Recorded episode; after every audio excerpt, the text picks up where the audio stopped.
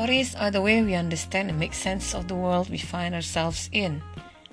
Cerita adalah cara kita mengerti dan memahami dunia kita.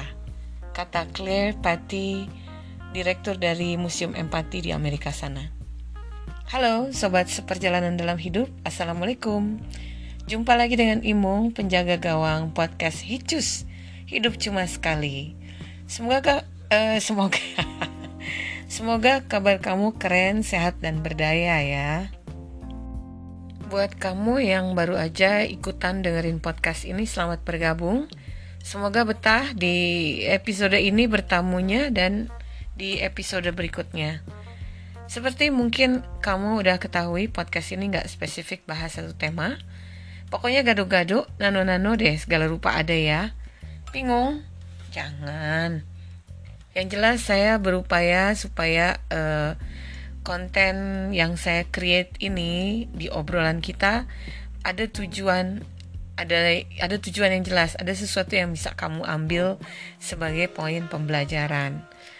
Nah, supaya kamu nggak bingung, baca aja judulnya. Lalu kalau kamu pikir itu manfaat dan menarik, ya tinggal klik. Jangan maksain karena saya kepengennya kamu happy sewaktu dengerin Hicus ini. Udah happy sekarang? Yuk kita mulai ya. Di episode ini saya mau cerita storytelling ceritanya. Seni bercerita ataupun dengerin cerita ini bukan sekedar kegiatan yang um, asal dilakukan atau ya buang ya buang waktu atau buang napas aja gitu. Tapi ini ini kegiatan yang bukan sia-sia. Menurut berbagai penelitian, storytelling itu adalah salah satu cara orang membangun ketangguhan dan kebahagiaan.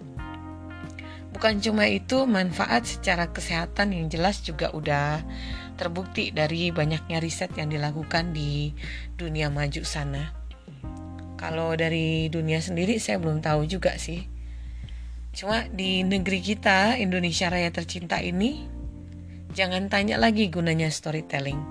Menurut saya sih, dahsyat lah ya pokoknya. kita itu kan bangsa yang kaya banget sama tradisi storytelling. Bercerita dan mendengarkan cerita bisa jadi stimulasi mental kamu, meningkatkan keperkasaan memori, dan menciptakan koneksi sosial positif antar sesama kita. Dulu zamannya radio dan TV hiburan itu udah yang paling top sedunia, nggak ada lagi. Eh, masih ada juga koran sih atau buku gitu ya. Tapi ada uh, dari hiburan radio yang saya demen banget uh, dengerinnya.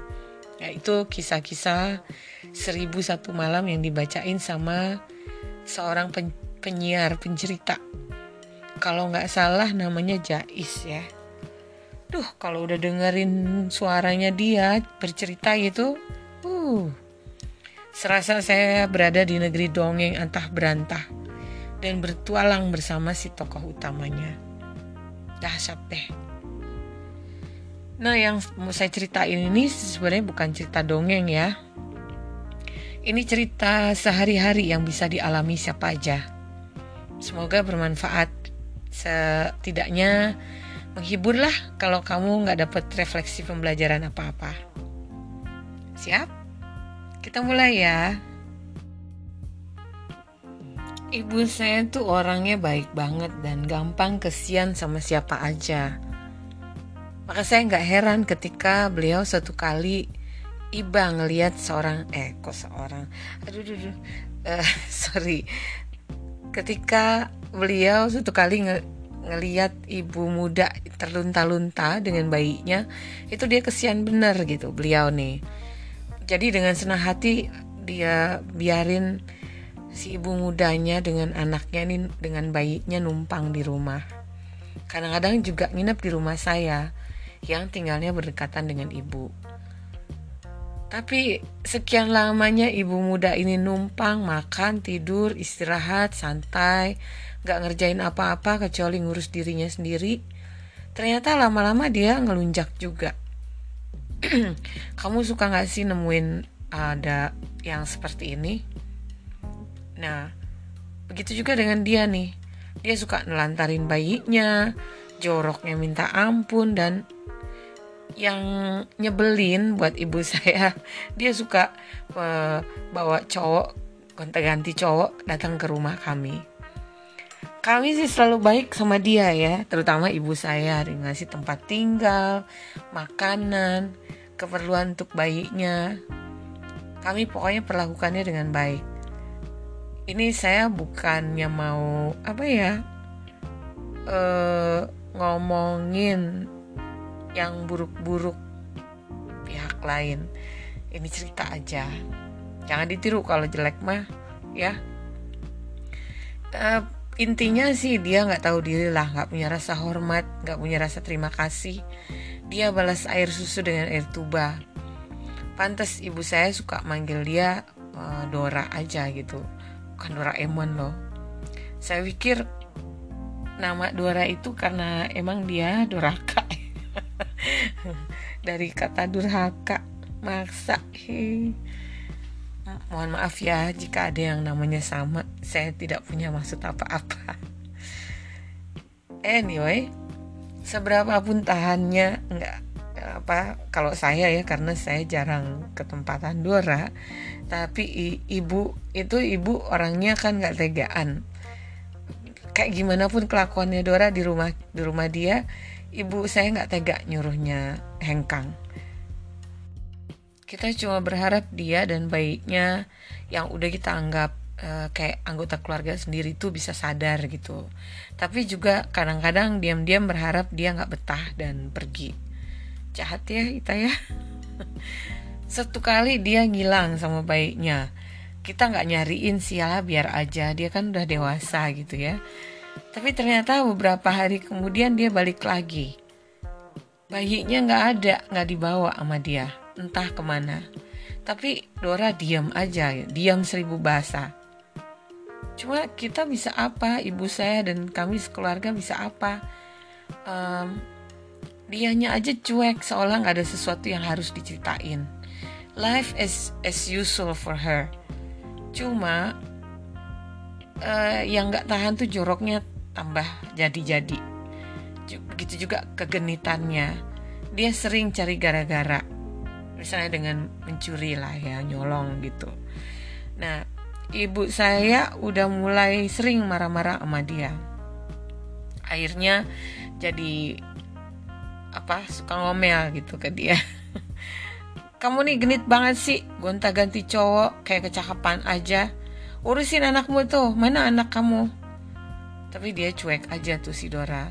Cuma pandangan matanya seolah-olah kayak apa ya dia minta dikasianin gitu ke arah ibu saya. Saya juga kesel sih kalau dia lagi ke rumah soalnya eh nggak ke rumah pun kadang-kadang gitu ya.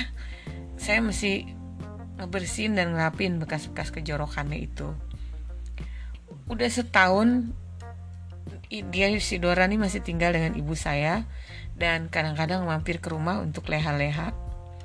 Saya sih udah pasrah. Lama-lama cinta kita, cinta kami untuk dia mengatasi rasa sebelnya itu. Kita cuma mikirnya gini, ya udahlah kalau dia mau pergi, biarin dia pergi sendiri. Gak usah kita usir-usir gitu. Gitulah. Uh, akhir ceritanya gimana ya? Oke gini, cap sabar ya.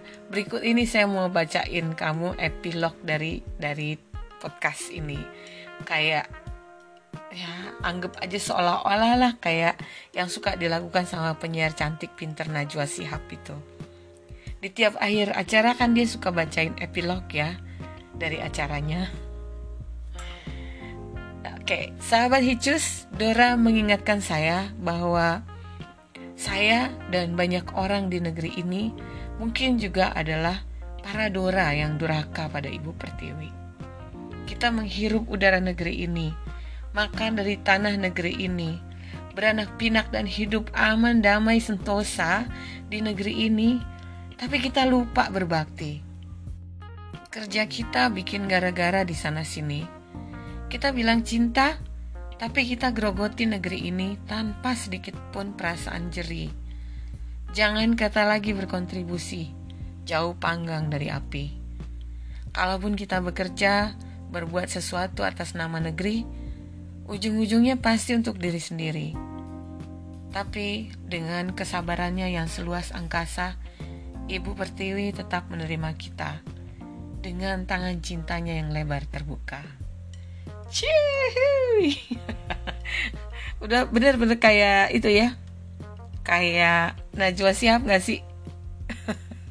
Paksa ya. Oke, okay, anyway, thank you untuk dengerin. Dora, kamu muntah lagi di teras ya, di depan pintu pula. Alah, kemarin ee dan pipis di teras gue juga. Aduh, capek bersihnya tahu. Saya sewot seperti biasa dengan tatapan tak bersalah, Dora menjawab, Ngeong. Sampai sini dulu, Sobat Hicus. Salam Hicus, hidup cuma sekali. Ayo kita buatnya berarti. Ciao.